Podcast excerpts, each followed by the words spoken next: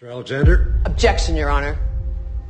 Miss Gibbs, this case isn't under the Justice Department's jurisdiction, so what exactly are you objecting to? I'm objecting to the fact that this man is not a lawyer. Your Honor, that is a lie. And as we speak, a jury is finding him guilty. And until they do, my bar number is active. This is ridiculous, Your Honor. He's making a mockery of this entire courtroom, and I urge you to at least delay this case. Seeing me be a lawyer makes you sick. If I win, I'm gonna keep being a lawyer, and it's gonna make you sick the rest of your life. لا ينبغي لمن تمسك بالعدل أن يخاف أحدا. فقد قيل أن العدول لا يخافون الله تعالى أي لا خوف عليهم منه إذا اتبعوا رضاه وانتهوا إلى أمره. ولا يمنعك قضاء قضيته اليوم. فراجعت فيه عقلك وهديت لرشدك. أن ترجع إلى الحق. فإن الحق قديم ومراجعة الحق خير من التمادي في الباطل. ففي العدل ميثاق وفي الحق نجاة. وفي بودكاست شعاع حكمة وتوعية. مستمعين الكرام أنا فاطمة. واليوم سوف نتحدث عن تخصص القانون. تخصص القانون يهتم بدراسة القواعد العامة والقوانين في البلاد التي تهدف إلى تنظيم حياة الأفراد بحيث يجب على الأفراد جميعا الالتزام بهذه القواعد والقوانين من دون تفرقة. فتخصص القانون يتمحور غايته في الدفاع عن حقوق الناس والمتهمين وإثبات براءتهم. قال تعالى وممن خلقنا أمة يهدون بالحق وبه يعدلون. فبالقانون أستطيع أن أسقي عشرين شخصا بكأس واحد من الماء وبدون القانون لا أستطيع أن أسقي شخصين بأمواج من المياه وهذا ما يدل على أهمية القانون حيث أنه في بعض الدول المتطورة يحتل المرتبة الأولى من حيث الأهمية ثم يليها الطب والهندسة. ويعتبر تخصص القانون من التخصصات حديثة المجال في المملكة مما يعني أن سوق العمل يحتاج إلى أشخاص خريجين ومتخصصين من كليات القانون أو الحقوق. دعونا نتناول تعريف القانون ومسمياته. القانون أو الحقوق أو الأنظمة. بمختلف مسمياته. هو من التخصصات الأدبية التي يجتمع فيها فرعي القانون العام والخاص وأحكام الشريعة الإسلامية. وجميع المسميات المختلفة منهجا واحد. والاختلاف هو اختلاف أسماء لا اختلاف معنى.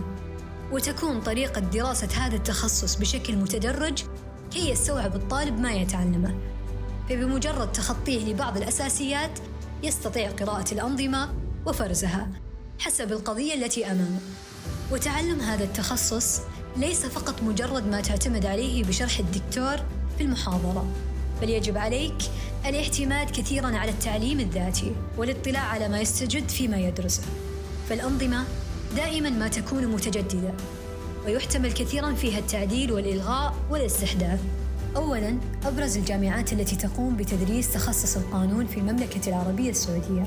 جامعة الملك سعود جامعة الملك فيصل جامعة الملك عبد العزيز والأمير سلطان والأميرة نورة والملك خالد. وأخيرا جامعة أم القرى ولكن هناك ملاحظة. يوجد غيرها من الجامعات والكليات الأخرى التي تقوم بتدريس القانون منها الخاصة والحكومية. ثانيا شروط القبول في التخصص بشكل عام. أولا يشترط أن تكون سعودي الجنسية. ثانيا يشترط أن تكون الشهادة الثانوية لم يمضي عليها خمس سنوات من تاريخ التخرج.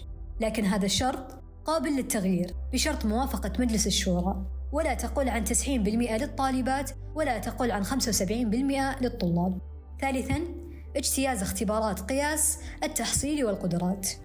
ثالثا عدد سنوات الدراسة بالإضافة إلى الساعات الدراسية. الدراسة في معظم كليات القانون في المملكة هي مدة زمنية لا تزيد عن أربعة سنوات دراسية. بالنسبة للخطة الدراسية فهي بمعدل 128 وحدة دراسية بشكل عام منوعة بين مواد الكلية الإجبارية والاختيارية ومواد إسلامية مقسمة على ثمان مستويات خلال أربع سنوات دراسية. من وجهة نظري أنصح جميع الطلاب والطالبات في حال وجود فرصة للفصل الصيفي الذي يكون خلال الإجازة الدراسية وفي حال إتاحة مواد تشمل مستواه من أجل التخفيف عنه في المستويات القادمة والتفرغ التام لبقية المواد. رابعاً أبرز المقررات الدراسية في الكلية. تنقسم المواد في كلية القانون إلى ثلاثة أقسام وهما قسم القانون العام وقسم القانون الخاص وقسم الفقه. وعلى سبيل التعداد سنذكر لكم أبرز مواد هذا القسم. بالنسبة للقانون العام يتضمن القانون الدولي والدستوري والمالي والجنائي والإداري. أما القانون الخاص يتضمن القانون المدني وكذلك التجاري والمرافعات والقانون البحري والقانون الجوي والقانون الدولي الخاص. أما قسم الفقه فيحتوي على عدة مقررات منها أصول الفقه أحكام المواريث والوصايا وأحكام الأسرة وهي ما يتعلق بمسائل الأحوال الشخصية. خامساً أماكن العمل والمهام الوظيفية. الكثير الكثير. يحصر تخصص القانون بالمحاماة لكن الواقع لا تقتصر عليه فحسب. فمجاله واسع جدا ونطاقه شامل وهو ليس كغيره من التخصصات. له مجال واسع في عدد من الوظائف سواء كانت في مجال القطاع الخاص أو العام. ومنها الجهات الحكومية مثل الوزارات بكافة أنواعها المجالس مثل مجلس الشورى هيئة الخبراء بمجلس الوزراء القطاع العسكري والجهات الخاصة الشركات مكاتب المحاماة. كذلك لدينا الهيئات مثل هيئة الاتصالات وتقنية المعلومات هيئة التحقيق والادعاء العام هيئة الرقابة ومكافحة الفساد. المهام الوظيفية يمكن للحاصل على بكالوريوس القانون العمل في 20 مهمة وظيفية. فالنقاط التي سوف نذكرها ستكون على سبيل الذكر لا الحصر. واحد محامي اثنين مستشار قانوني ثالث باحث قانوني أربعة باحث اقتصادي خمسة مدقق داخلي ستة مدير علاقات عامة سبعة سكرتير قانوني ثمانية أخصائي ميزانية وتسعة محقق. والآن دعونا نستعرض قصة من واقع الحياة القانونية. تنتشر جرائم القتل في كل مكان بالعالم ويسعى رجال الشرطة جاهدين إلى الوصول السريع إلى الجاني وذلك من أجل أن ينال عقابه وألا يهرب من جريمته. وتركت الجرائم بمختلف أنواعها وأدائها أثرا سيئا على النفوس. هناك العديد من الجرائم التي باتت لغزا بلا حل وهناك من نجح رجال الشرطة في الوصول إلى الجاني خلال فترة زمنية قصيرة. يوجد أيضا ما هو غريب في عالم الجريمة ومن أغرب القضايا التي شهدها المجتمع الأمريكي قضية مقتل أحد مواطنيها. وليس مقتل الشخص هو الغريب ولكن الغريب في الأمر هو أن يقوم ببغاء بكشف لغز جريمة قتل ذلك المواطن بعد عامين من وقوع الجريمة حيث كان يعيش معه في البيت. قد أثرت السلطات الأمريكية على مواطن يدعى مارتن دوارم مقتولا داخل شقته نتيجة تلقيه خمس رصاصات اخترقت جسده ولم يكن يوجد في مسرح الجريمة سوى الجاني والمجني عليه والببغاء الذي يطلق عليه اسم بود. هو الذي شهد اللحظات الأخيرة في حياة الضحية. كان الببغاء يردد الكلمات الأخيرة التي جاءت على لسان القتيل قبل وفاته بلحظات مما أدى إلى سهولة الوصول إلى القاتل عن طريق ذلك الببغاء الذي ساعد رجال الشرطة في كشف حقيقة مقتل مارتن. استطاع رجال الشرطة التأكد من أن زوجة القتيل والتي تدعى جلين دوارم هي التي قامت بتنفيذ جريمة قتل زوجها. بإطلاق خمس رصاصات متتالية باتجاه جسده. كما أثبتت الشرطة أن القاتلة حاولت أن تنتحر بعد أن انتهت من جريمتها باستخدام نفس المسدس الذي قتلت به زوجها غير أن محاولة الانتحار قد باءت بالفشل. كانت محاولة انتحار الزوجة. قد جعلت السلطات تعتقد أنها ضحية لهجوم غاشم. أطاح بزوجها وكاد أن يقتلها. مما جعل الشبهات المتعلقة بالجريمة تبتعد عنها. كانت القاتلة تؤكد براءتها من دم زوجها القتيل ولم تفكر مطلقا أن الشرطة ستقوم بالوصول إلى حقيقة إدانتها. بسبب ذلك الببغاء كانت المفاجأة صادمة وساحقة بالنسبة للقاتلة. التي وجدت نفسها مدانة في قبضة رجال الشرطة الذين قاموا بتوجيه الاتهام إليها بقتل زوجها مع سابق الإصرار والترصد. لم يكن يخطر ببالها أن الببغاء الذي كان يعيش معهما قد حفظ كلمات زوجها الأخيرة واستمر في ترديدها. كان الببغاء يردد في نهاية كلامه عبارة لا تطلقي ومن الواضح أنها العبارة التي كان يأمل بها القتيل العفو من زوجته مما جعله يتوسل إليها بعدم إطلاق النيران غير أنها لم تخضع لتلك التوسلات البائسة وقامت بتنفيذ جريمتها بلا تردد.